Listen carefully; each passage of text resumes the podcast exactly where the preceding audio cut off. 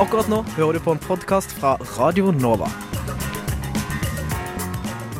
For det hovedspørsmålet det hadde vært siden eh, Noam Chomsky etablerte den greina lingvistikken som, som jeg befinner meg i. Vi håper jo på bredest mulig oppslutning om SV, og jeg tror at det eneste som kan få norsk løsner båndene mellom staten og kirka, og forhåpentligvis fører til tettere bånd mellom kirka og folk. Altså, hadde de gjort som andre fjøringsbevegelser i verden, hadde de helt legitimt, kanskje, tatt i våpen. Og, og så direkte skildring av menneskeskjebner tror jeg ikke vi har sett eh, i noen annen nyhetsdekning av noen annen terroraksjon. Det er såpass store forskjeller mellom den kalde krigen, hvor det var to supermakter som sto mot hverandre, eh, og den situasjonen vi har i dag.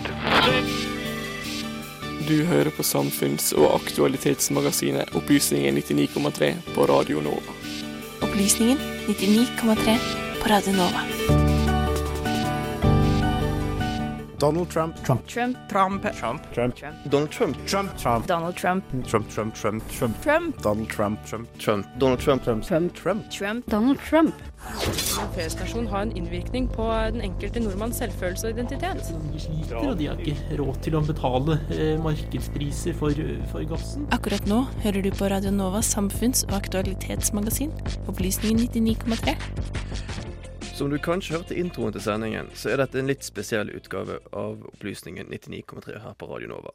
For vi hadde egentlig planlagt en vanlig sending denne siste fredagen før påske, men av diverse årsaker så må vi heller sende en reprise i dag.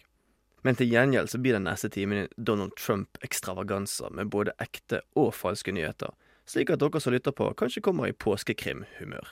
Vi i Opplysningen satser på å komme sterkere tilbake fredag 21. april med nye, friske saker og aktualiteter. Inntil da vil vi bare ønske alle våre lyttere en riktig god påske. Spis mye Kvikk Lunsj appelsin. Nyt solen. Og hvis dere er sulten på mer fra oss, så ligger våre sendinger ute på iTunes og Soundcloud. Ha en opplyst høytid. Du Du Du hø hører På På Radio Nova. Jeg står i resepsjonen på Folkets hus og sjekker inn i sikkerhetskontrollen for å få lov å komme opp på kontoret til Halvard Notaker. Kjent som USA-ekspert er han historiker, ansatt ved UiO og frilanser som bl.a. har dekket valget. Det ingen skulle tro at kunne skje, skjedde. Trump vant. Han er USAs neste president. Men hvorfor? Hvem var det egentlig som stemte på denne mannen? nei, det jeg tenkte på, var uh, Hvem var det som stemte på Trump, egentlig? Uh, også litt Han sier jo hele tiden at han skal gjøre You say great again. Men hva er det han sikter til, da? For, For hvem, ikke sant? Ja. Ja. Ja, Nei, for det, det skrev jeg rett om i Dagbladet for et halvt år siden eller noe sånt. nå. Om uh, Jeg var i Skjer det der, eller? Nei, ikke sant? Du drikke, kanskje? kanskje. Jeg så på den grønne, vet du. Jeg tenkte den er fin. Eh, ehm, jeg var i USA i vår, og så da kom jeg til Chicago dagen etter. Det var en stor demonstrasjon der så Trump måtte dra igjen. Mm. Eh, eller måtte. Han gjorde i hvert fall det. Eh, det var jo alt som, som mente at han trengte. Jeg snakka med en ganske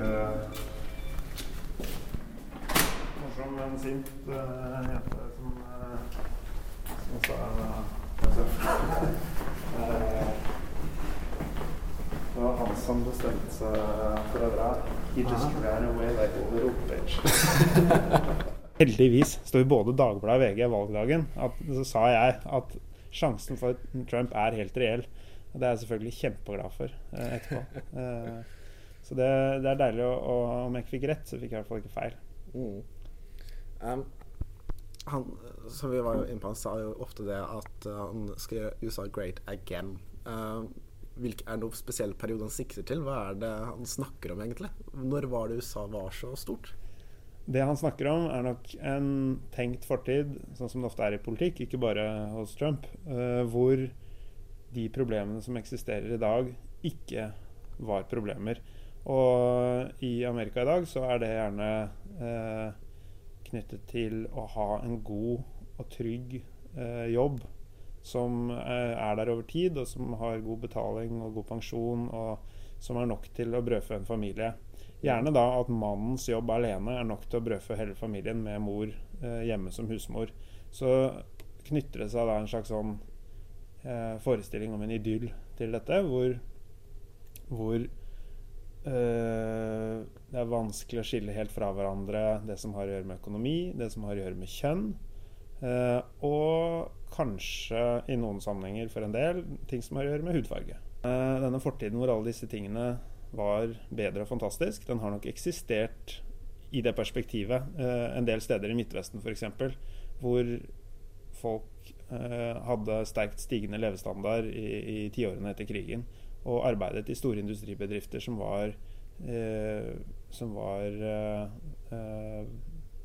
ansett som de største og flotteste i verden. Og man kunne på en måte ikke tenke seg at de skulle ruste vekk og gro igjen bare noen tiår senere. Så her er det jo helt klart en legitim bekymring for hvordan det skal gå, og for hvordan ting har gått, og for eh, velstandsvekst som bare stanset for flere tiår siden. Eh, men det ligger jo mye annet også i den pakka Trump eh, trekker opp. Mange sier at denne valgkampen har vært veldig spesiell. Um, har det egentlig vært det? Denne valgkampen har vært veldig spesiell på den måten at den ene kandidaten har deltatt så aktivt i eh, den negative, altså den skitne delen av valgkampen ved å komme med karakteristikker ikke bare om motstanderen, men om alle mennesker som han har opplevd som motstandere. Det, det har ikke vært vanlig.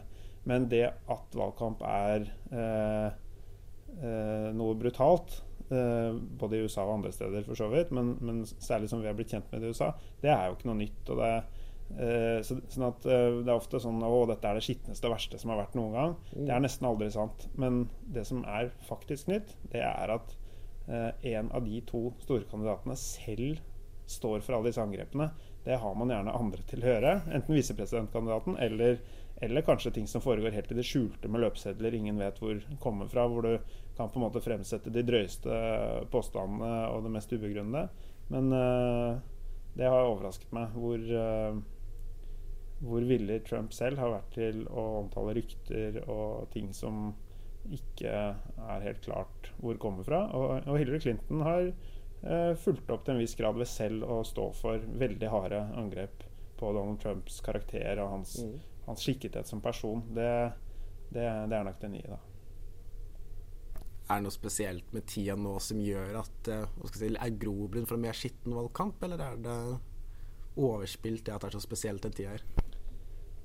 Det er veldig lett for alle å si at når noe er eh, noe i vår tid er på en måte vi ikke liker, så sier vi at det er noe spesielt med vår tid. Men menneskene er jo omtrent like bra eller dårlige gjennom historien. De er bare forskjellige. Men hvis menneskene ble bedre og bedre, f.eks., så, så er det jo veldig rart at de kom opp med dette med atombombe i, i, i liksom vår ende av historien.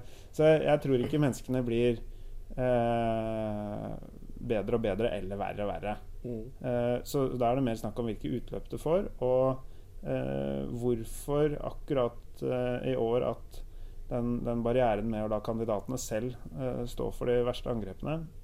Hvorfor den skulle bli brutt nå, det, det, tør jeg ikke si. Det er klart at mange peker på sosiale medier, og at det foregår en personlig kommunikasjon rett fra kandidaten og til alle, som legger i hvert fall til rette for at man kan kommunisere hardt og direkte og ufiltrert. Uh, det, er, det, er, interessant, men fort, man kan fortsatt tenke seg at uh, at det skulle finne kulturelle sperrer. Og da syns jeg det er interessant at i visepresidentdebatten så var det mange som oppfattet Tim Kane, den nokså milde eh, eh, kandidaten til Demokratene, eh, som altfor aggressiv fordi han avbrøt og var litt sånn uhøflig mot eh, den republikanske visepresidentkandidaten Mike Pence.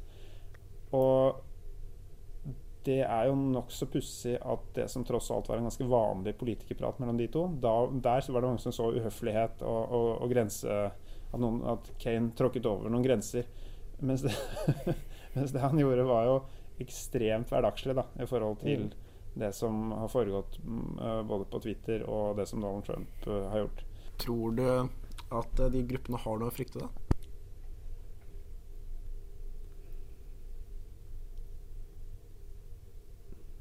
det De gruppene som føler seg tilsidesatt og, og diskriminert mot allerede, eh, har i hvert fall ingen større grunn til optimisme eh, hvis det er sånn at det blir mer akseptabelt i den politiske retorikken å dyrke de forskjellene, og dyrke de motsetningene, det er jo Da kommer man jo ingen vei. Så kan man spørre hva med den økonomiske siden av saken, om det, hvor det da en del som eh, mener, i hvert fall blant Trumps tilhengere, at han vil skape en bedre økonomisk situasjon også for minoriteter. Det får vi jo vente og se på, da. Men hvis, selv hvis det skulle være sant, så er det vel mange som mener at det er viktig å skape gode holdninger og behandle hverandre bra og greie å se på hverandre som likeverdige amerikanere. Og der har vel dette slagordet 'Make America Great Again' eh, understreket at det ikke er en problemstilling man, man eh, kjenner på helt inni seg selv eh, i, i Trump-æren. Fordi eh, det er ingen stor fortid å vende tilbake til for den som føler seg eh, diskriminert på grunnlag av noe som helst, egentlig. Enten det er kjønn eller hudfarge eller religion eller noe som helst. Der eh, er det nokså åpenbart at USA er bedre i dag enn for 50 år siden. Mm. Tusen takk. Det er jo klart for de fleste at noe, noe er galt med verdensøkonomien. Alvorlig galt. First thing I, I went into prison a young man and I got out of it a very old man. Du hører på Opplysningen 99,3 på Radio Nova.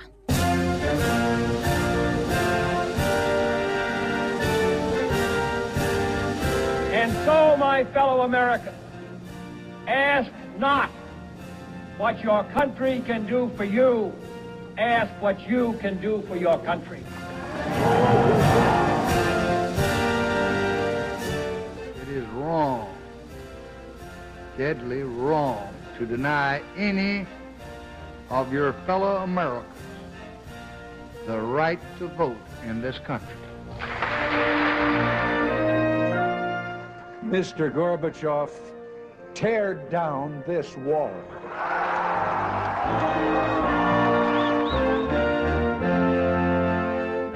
There is not a liberal America and a conservative America. There is the United States of America.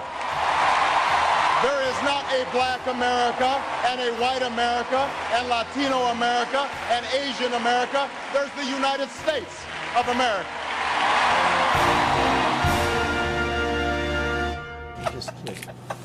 I don't even wait. And when you're a star, they let you do it. You can do anything. Whatever you want. Grab them by the pussy. You can do anything.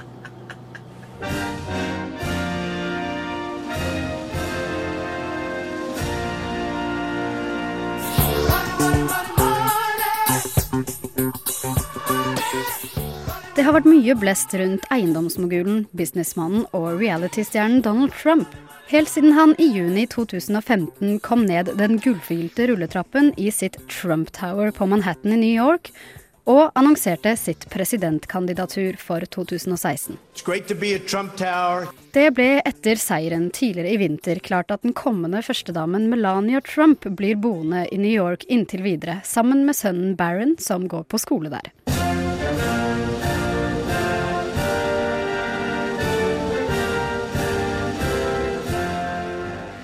Under innsettelsen av president Trump i dag kunne den utradisjonelle presidenten annonsere at også han blir boende i Trump Towers toppetasje gjennom hele den kommende presidentperioden. The White House is very special. So is Trump Tower. It represents something that can be so good.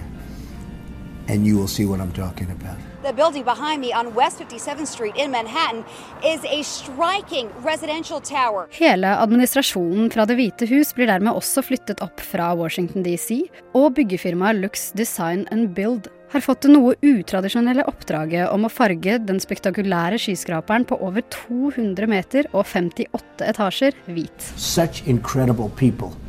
There's such incredible potential. And you mark my words, we'll be doing this in three or four years, hopefully together. And I think you're going to be, I hope you're going to be very impressed. Det noe mer beskjedne presidentbygget i Washington DC på sine knappe seks etasjer blir inntil videre stående tomt. Usikre kilder skal imidlertid ha uttalt at Melania Trump ønsker å gjøre huset til et senter for barn som er ofre for nettmobbing. Ekspert på amerikanske presidenter ved Norsk institutt for amerikansk politikk, Fredrik Høie Bilding, reagerer på dagens nyheter. Jeg er udelt positiv til dette. Jeg syns det er kjempefint at nå har vi fått en mann som river opp i de tradisjonelle verdiene i USA, og det tror vi trenger egentlig i våre dager.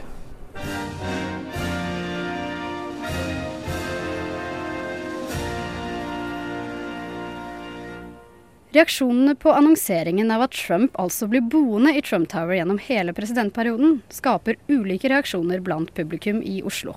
I, I have to see, I have to see it whether he does uh, paint uh, the Trump house uh, white. I have to see it. I have to see it mhm. before I give you my answer. So you don't believe it? I don't believe it before I see. Ja, for I dag så ble det jo kjent at eh, Trump han ønsker å male Trump Tower hvitt.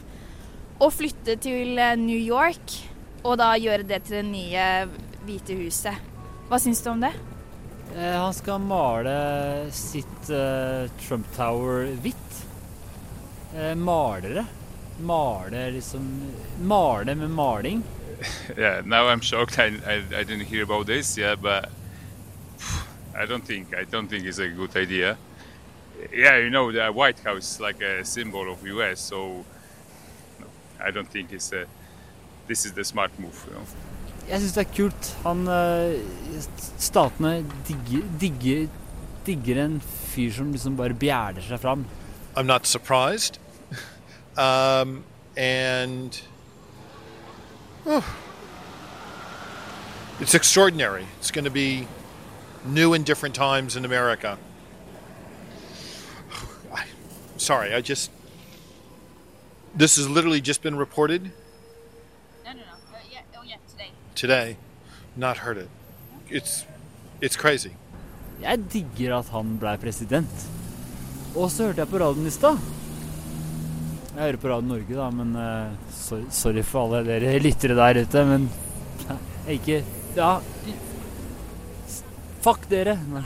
Radio Nova er et godt alternativ, men uh, nå er det Trump vi snakker om. I heard about the White House is made the model is like the middle class American houses.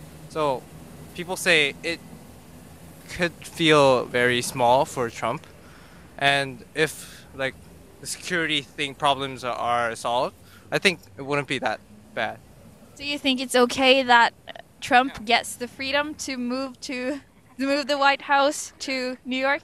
Yes, uh, yes, I think so. Verden er full av overraskelser. Det er jo bare tull. Ja. Det er, det er, det er bare tull. Og hvis det er seriøst forslag, så er det enten for show, eller så har det klikket for han. Du tror det har klikket for han? Eller det er for gjort for show. For det at media skal kose seg litt og holde på litt.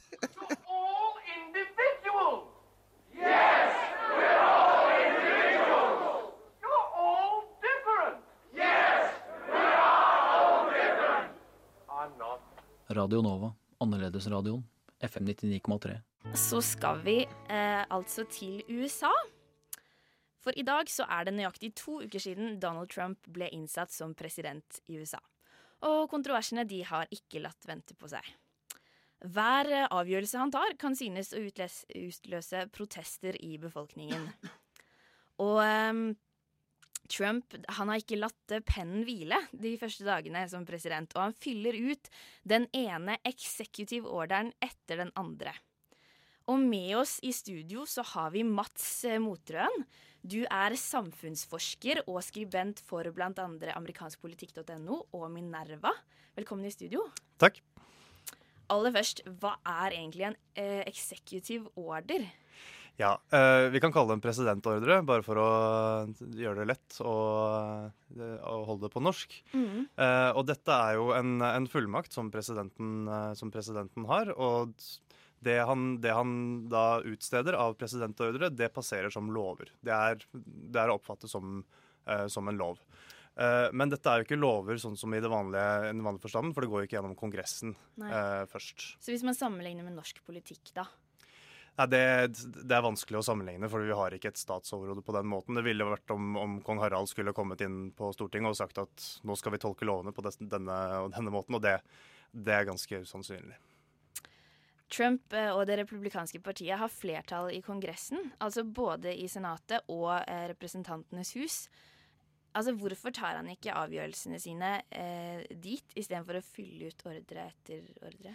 Jo, eh, da må man se litt på eh, For det første så er det forskjellige typer eller forskjellige varianter av disse eh, presidentordrene. Og det er en helt vanlig måte å, å, drive politikk på. Alle presidenter har gjort det altså siden Lincoln. Det er mange eh, sånne presidentordre i hver eneste, eh, hver eneste periode. Altså Bush og Clinton og Obama hadde hver 300 sin, i sine, sine perioder.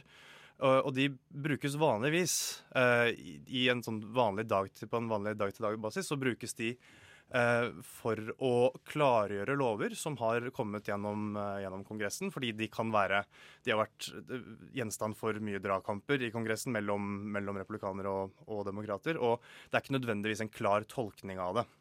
Så da kan presidenten komme inn og skrive en presidentordre på hvordan han vil at denne loven skal tolkes av forvaltningen, altså departementene og direktoratene da, i, eh, i, USA. Så det er, eh, det er, sånn det brukes vanligvis. Mm. ved noen anledninger så har det vært noe mer drastisk, og det er jo det man også ser i dag. altså For eksempel, for å ta noen historiske eksempler, den uh, Emancipation Proclamation til uh, Lincoln, som, som frigjorde slavene, i hermetegn, det var en sånn ordre. Uh, og det samme med, med da, da, Roosevelt under krigen beordret at, uh, at uh, japanere og amerikansk italienere og amerikansk-tyskere skulle kunne interneres. Det var også en sånn type, type ordre. Og over, over de siste, siste, årene, spesielt, eh, spesielt etter, eh, etter, Clintons tid, så har, eh, så har, presidentene fått stadig mer kritikk for å bruke dette for å, for å lage politikk direkte og bare sånn omgå Kongressen på en eller annen måte. Og det, det er jo det Trump også nå får, får en del kritikk for. Mm. Altså, Fins det noen begrensninger på hvor mange sånne ordre en president kan skrive ut? Det fins ingen begrensninger på det, og han kan i prinsippet si akkurat det han vil. Problemet eh, er at eh, Eller begrensningen er selvfølgelig at han må holde seg innenfor lovverket. Eh, og Det er derfor vi ser f.eks. i den innvandringsvedtaket som kom forrige lørdag, som begrenset innvandring fra disse syv eh, landene, så refererer han ikke til landene spesifikt. Eh, bortsett fra Syria, som er et annet uh, tilfelle. Men han refererer ikke til det andre uh, spesifikt. Han refererer til en lov som allerede er passert. Og på den måten gjør, det litt vanskeligere å angripe. Fordi uh, da er det som om man tolker denne loven på en annen måte, sånn som jeg forklarte i stad, at, at, det er tolkningsspørsmål. Da. Men dette kan, dette kan motgjøres på flere måter, hvis vi tar da innvandringsvedtaket som et eksempel. Mm. Eh, så, eh, så, kan man enten så kan Kongressen passere en lov uh, som direkte eller eksplisitt sier at den presidentordren det gjelder ikke, eller som motsier da teksten i dette. Men presidenten kan jo da legge ned en vetorett mot, mot, dette. Så da må du ha en, et to tredjedels flertall i, i Huset og, og, Senatet for å få det passert. Og det er, det er litt sannsynlig. Den andre måten er gjennom rettsvesenet. Og det har man allerede, har man allerede sett på lørdag, på lørdag, kveld allerede så var, det, så var det allerede et par rettssaker som, som, nå er, som nå er underveis, hvor det var bl.a. En, en irakisk eh, mann som ble stoppet på JFK. Ikke fikk lov til å kontakte advokatene sine. Eh, og, og som, som, som, har jobbet i, med, med, USA i Irak som oversetter i krigen mm. i, i ti år. Og det, det, er den som har blitt mest kjent nå foreløpig. Og hvis den passerer, eh, og man ser at dette, dette vedtaket han har kommet med er lovstridig, eh, så, eller grunnlovsstridig, da, fordi de, de går ofte på, på, disse Fifth Amendment og, og, i det hele tatt. Retten til advokat, retten til, lik, eh, til likhet for loven, rett og slett. Og da kan det også forhindres på den måten. Da. Helt spesifikt med, med, hvert, med hvert tiltak som han, som han setter ut. Det republikanske partiet er jo splitta i synet på Trump. Altså, Disse handlingene, kan de kunne splitte partiet enda mer? Det er, det er vanskelig å si. Uh, det, det, man kan, uh, det man kan, uh, kan si, er at det, dette kan like gjerne splitte demokratene.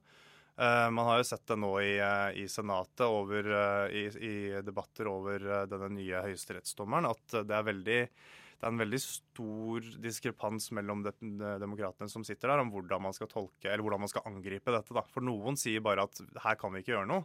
Uh, andre sier at dette må vi slåss mot, spesielt etter hvordan situasjonen har vært Uh, etter at Obama selv nominerte en høyesterettsdommer som, som Senatet nektet å behandle, og dermed da bare ventet til Trump ble innsatt, og så for å få da en, en, en som de ville ha. Så demokratene er veldig sinte der, og, så, øh, og er nå veldig uenige om, om hvordan de skal øh, handle videre. Men det kan, også, det kan også være splittelser innenfor det republikanske partiet, definitivt. Det som taler imot det, er at ved neste kongressvalg i 2018 så er det relativt få republikanske seter på, øh, på valg. Eh, Så eh, man, man, kan, eh, man kan da tenke seg at dette ikke nødvendigvis er noe de behøver å lage en splittelse over helt ennå. Så det, det kan slå begge veier. I går så rapporterte nyhetsbyrået Reuters at Donald Trumps administrasjon døper om et statlig program fra Countering Violent Extremism, extremism til Countering Radical Islam Extremism. Dette programmet det har forsøkt å nå liksom, lone wolves eh, av alle slag eh, gjennom samarbeid med bl.a. Eh, utdanningsinstitusjoner og kampanjer på sosiale medier. Eh, altså Denne navnendringen den viser jo da at eh, denne organisasjonen utelukkende vil eh, avdekke og motarbeide radikal islam. Altså Hvor hardt tror du Trump-administrasjonen vil gå til verks mot eh, radikale islamister fremover? Det er jo det som det spekuleres i etter at det, denne nyheten ble, ble brakt til torgs i, eh, i går tidlig. Eh, fordi dette er et, veldig lavterskel eh, tiltak sånn, fra, fra, fra statens Eller det er, det er, et frivillig, frivillig engasjement som har, få, som har fått statsstøtte. Ja, For Veldig- det er ikke i samarbeid med politi og etterretning? Nei, nei, dette er bare en sånn type ja, eh, frivillig organisasjon som, som driver med type holdningsarbeid og sånn. og har fått masse kritikk for å være både politisk korrekt av republikanere og ikke være så veldig effektivt. Så dette er, dette er ikke noe mange kjenner til på noen som helst måte, men det er da kan være indikativt for hvordan han har, eh, har tenkt til å gå frem med, med dette. At liksom alle på alle nivåer, altså fra det laveste til, til utenrikspolitikken, skal, eh, skal stilles inn og ha det fokuset på at man skal fokusere på radikal eh, islamistisk ekstremisme og, og ingenting annet. Mm. Det er mange som mener at det er Trumps eh, sjefstrateg Steve Bannon som står bak den skjerpede politikken mot muslimer. Og altså, han har jo uttalt at uh, gjentatt uh, islamsk uh, vekst Altså ikke spesifikt den radikale islamismen, men altså islam jevnt over, er mørkere enn fascismens fremvekst, og at vi i dag ser en expansionist islam som er arrogant, motivated and on the march. Altså, Hvor mye tror du at Trump kan påvirkes av bandens syn på islam? Det er jo et spørsmål om hva som var Trumps syn på islam fra før av, selvfølgelig. Eh, vi vet eh, hva, hva bandet har sagt tidligere. Han har både sagt, kommet med veldig harde uttalelser, sånn som det du nevnte. Han har også sagt at vi må ikke, dette må ikke uh, play to our baser instincts, eh, og at vi må holde hodet kaldt. Men det, sånn stort sett så virker det som at han har et ganske militant syn da, på, på islam som, som helhet, og har vært veldig opptatt av det. Og det som skal sies om Trump og, og banden, er at de er veldig like typer. De, de, de virker som å ha, uh, ha en veldig, veldig god tone og godt, godt samarbeid, og det viste seg allerede da han ble sjef for uh, kampanjen til, til Trump i, uh, i høst.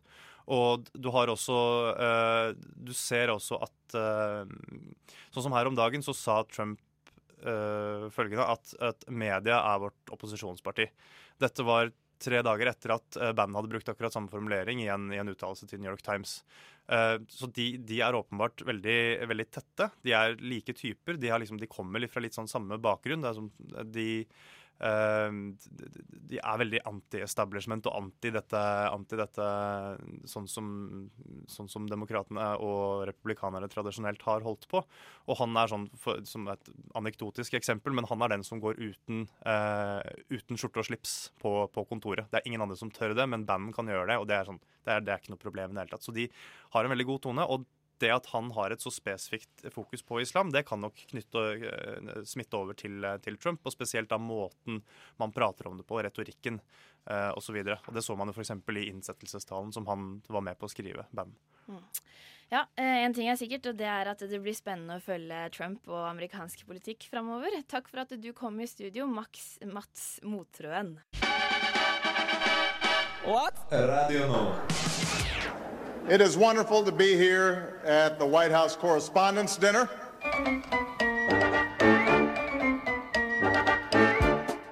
Uh, being president is never easy. I still have to fix a broken immigration system, issue veto threats, negotiate with Iran, all while finding time to pray five times a day. Which is strenuous. I have to admit, we really blew the way we let those attorneys go. You know, you botched it when people sympathize with lawyers.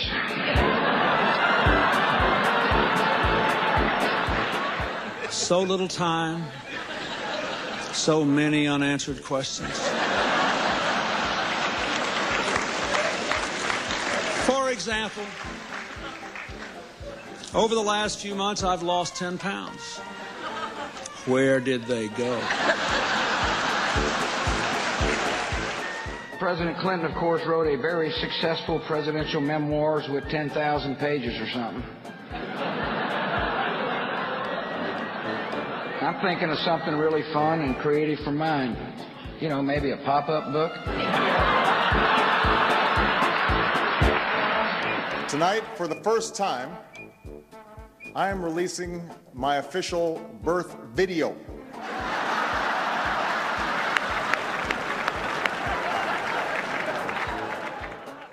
But uh, let's take a look.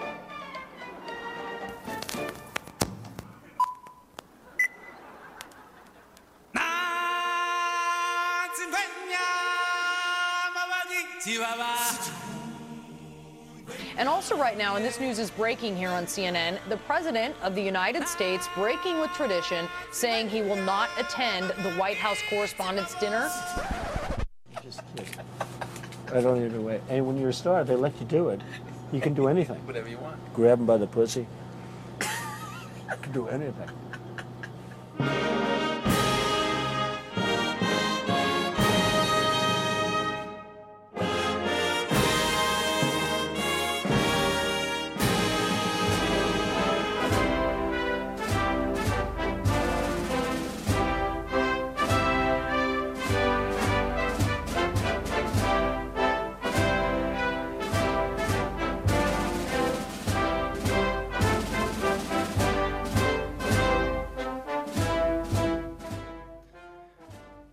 Hatt en liten greie gående her i Opplysningen i år, med at vi med jevne mellomrom har minnet dere lyttere på hvor lenge Donald Trump har sittet som eh, president. For det var jo eh, nettopp på fredag 20.1 han ble innsatt som den øverste lederen i USA.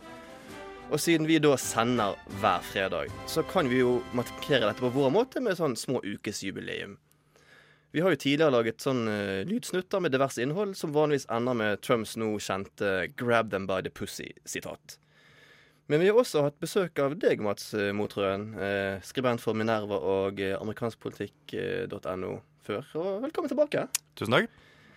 Eh, du var jo her hos oss for ca. halvannen måned siden og snakket om disse presidentordrene som da Trump fylte ut en del av.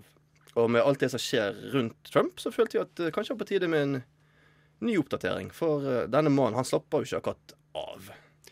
Nei, på ingen måte. Nå har det jo eh, med denne siden, siden, forrige gang så har jo dette innreiseforbudet kommet i en ny form igjen, og, og igjen blitt, eh, blitt avvist av en, av en, føderal domstol, som har makten til å, til å si ifra hvis det er noe de mener er potensielt grunnlovsstridig. Som da denne, denne retten i, i, i, Hawaii har nå, har nå gått, inn og, gått, inn og, sagt. Så da må, det, da må, man formulere en annen versjon av det igjen. da. For de prøvde jo da å gjøre det litt mildere og med, med å tillate, tillate, irakere spesielt å, komme inn. Stort sett så var det ganske likt.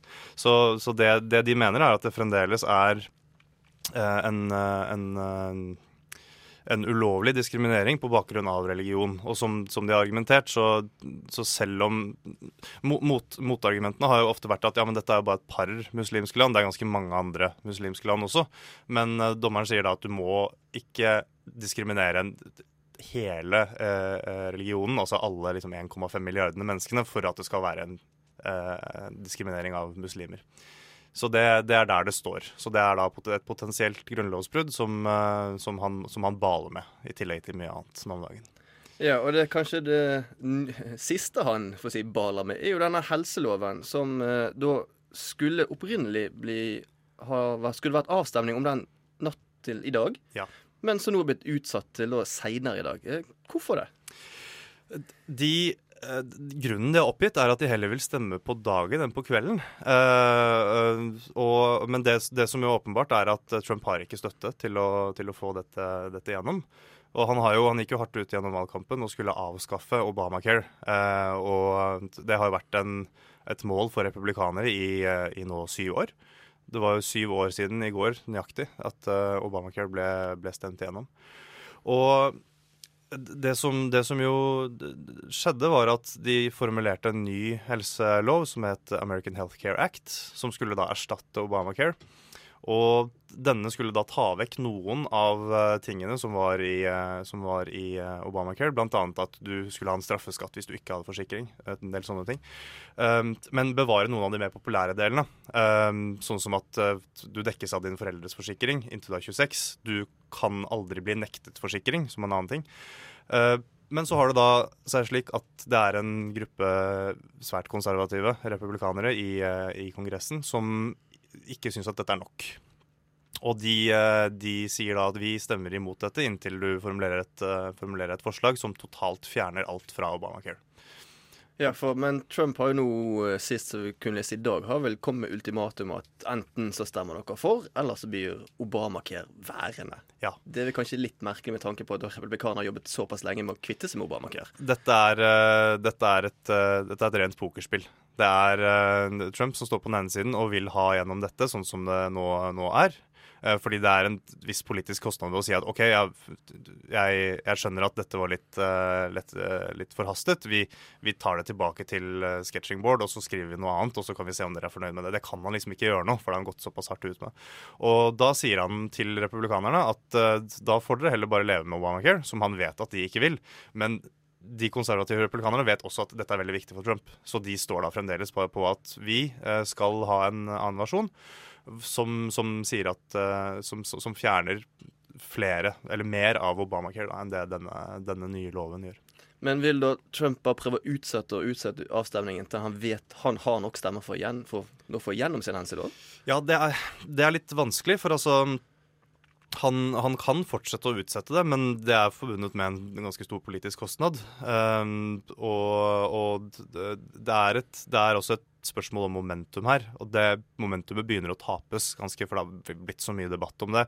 Det blir upopulært. Uh, og det man hele tiden må huske på, er at disse representantene som sitter her, de svarer til sine egne folk i sine egne stater.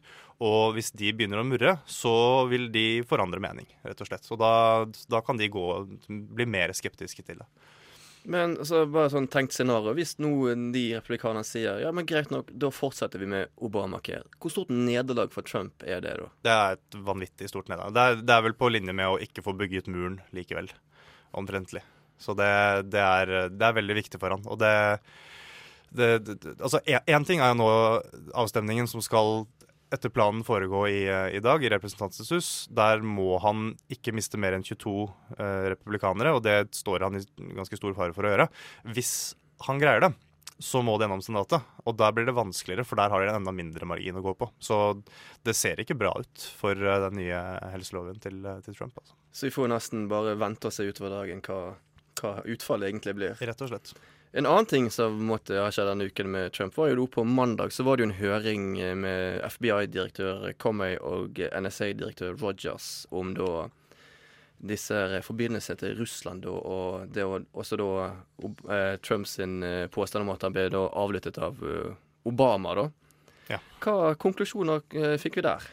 Nei, Det som jo nå var, var nytt, var at uh, FBI-direktør Comey bekreftet at um, de etterforsker uh, Russland-formidlelsene til så, Eller de etterforsker Russlands påvirkning på det amerikanske valget.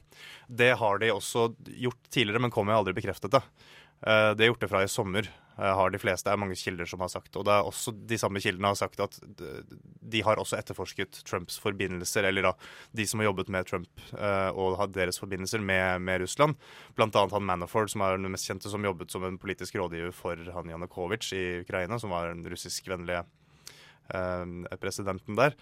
Eh, men dette har aldri blitt bekreftet. Og det som skjedde på mandag, var at Komi sa i denne høringen til, eh, til, i Representantens hus til den etterretningskomiteen at jo, vi, vi, etterforsker faktisk dette, og vi etterforsker også da linkene som eventuelt finnes, eller hvem, hvem som har hatt kontakt, om noen har hatt kontakt da, med med, med, russiske, med, med, russisk regjering, rett og slett, eller offisielle personer i, i Russland. Sånn som jo noen tidligere, eh, sånn som Michael Flynn, måtte gå av eh, med, for han hadde, han hadde snakket da utilbørlig med, noen eh, ambassadører, diplomater. Ja, og det er Obama eh, påstanden til Trump, den var det ikke noe grunnlag for? Nei, ifølge eh, Rogers, NSA-direktøren, så sa jo han at, at dette, er, dette har jeg ikke jeg noe kjennskap til. Det er ikke noen, er, jeg kan si med stor sikkerhet at det er ingen som Eller at Obama ikke har har, eh, har, bestilt noen avlytting, som, som, er en totalt absurd påstand. Uh, og, og, avkreftet da også dette at han ble, han ble avlyttet av Obama. Men det som er litt underdekket i den saken, der, er at det er fullt mulig at han har blitt avlyttet. Uh, og det har kommet fram nå, det er en uh, lederen for denne, denne etterretningskomiteen som Comey uh, snakket for på mandag. Han har nå gått ut og sagt at han har et dokument som han har fått, som viser at det foregikk avlytting av, av Trump og hans, eller av hans team. da rett etter valget. Og dette kan være flere ting. Det kan enten være en såkalt uh, FISA-domstol uh, som, som, har gitt lov til å avlytte disse fordi det er et, et mistanke om uh, interference fra, fra, en, fra en utenlandsk, utenlandsk, regjering, eller at de bare tilfeldigvis har blitt plukket opp i det at de har overvåket allerede kjente mål. Da. Så at hvis de sitter og overvåker noen, noen russere, og så er det tilfeldigvis noen amerikanere på linjen, Eh, så er det da en incidental eh, overvåkning. Og det er det han, eh, han mener, han lederen for, for, denne komiteen, at det har forekommet. Han har også da dratt og brifet presidenten på dette, som han har fått en del kritikk for, fordi man skal ikke brife de man etterforsker. Og det er for så vidt ganske legitim innvending, syns jeg. Ja, eh, bare en tenkt situasjon igjen. Hvis FBI da kategorisk kan si at Trump ble president ved hjelp av Russland eller russiske interesser, da, hva, hva kan skje med han da? Nei, det er veldig spennende. Eh, for altså hvis, hvis, hvis, man antar at han ikke har gjort noe ulovlig, men at det er en men at det er, eh, har vært en russisk eh, påvirkning, en betydelig påvirkning på, på valget. Det vil jo da i tilfelle være påvirkning i forkant. Altså, jeg tviler på at de har, liksom, at de har tullet med, med, stemmegivningen, for da, da, blir det vel krig. Men det, det, det, så det, har mest sannsynlig ikke skjedd. Men hvis det skulle være slik, så vil jo han miste en god del legitimitet hos kanskje enda flere amerikanere. Men han Det er det som kan sies da, altså Gjennom den siste uken her, så har, du hatt, så har du hatt Russland-saken og så har du hatt helselovgivningen. Og det viser seg at helselovgivningen reagerer veldig mange amerikanere på. Og mister, det ser ut som han mister litt støtte pga. det. Det ser ikke ut som han mister noe støtte pga. eventuelle Russland-anklager, så det er ikke noe folk bryr seg like mye om. Og hvis man da skal gå og trekke noen for eventuell riksrett, eller kritisere eller underminere da presidentskapet hans på bakgrunn av Russland-anklager, så, så, kan det bli ganske mye opprør, rett og slett. Altså ikke nødvendigvis bokstavelig, men han, han, vil da ha eh, fremdeles mye støtte i, i folket. og det vil bli en veldig vanskelig situasjon. Ja. Kort fortalt. Kort fortalt, ja. Mm. Uh, ja, altså Trump har nå sittet i ni uker, eller to, litt over, så vidt over to måneder som president. Uh, altså, hva, hva, har vi lært på de to månedene, egentlig? Nei, Vi har lært at uh, det vi, og jeg i hvert fall, trodde skulle skje, det skjedde ikke på noen som helst måte. Jeg tenkte at uh, ja, nå, nå, må vi slutte å, å, å wine her. Uh, han kommer til å komme inn i, i, i, kontoret og i Det hvite hus, og så kommer han til å bli litt kuet av alle de rundt han, av hele det politiske etablissementet. Og det har ikke skjedd. Han har liksom fortsatt i valgkampmodus, rett og slett. Og har ikke backet ned på verken bygging av eh, vegg eller, eh, eller noen andre Eller, eller altså spesielt da innreiseforbudet, som er det definitivt mest kontroversielle og uvanlige eh, forslaget som man har kommet med. Helselovgivning er sånn Det ville noen andre republikanske presidenter ballet med uansett, så det, det er ikke noe kontroversielt sånn sett. Men eh, ja, innreiseforbudet er liksom en ren sånn valgkamp eh, valgkampgreie som, han, som han bare har fortsatt på. Og det hadde ikke så mye å si at det ikke var gjennomarbeidet, men det skulle bare gjøres så fort som mulig. Han, så han virker ganske ivrig på å få, få bevist seg selv, på en måte.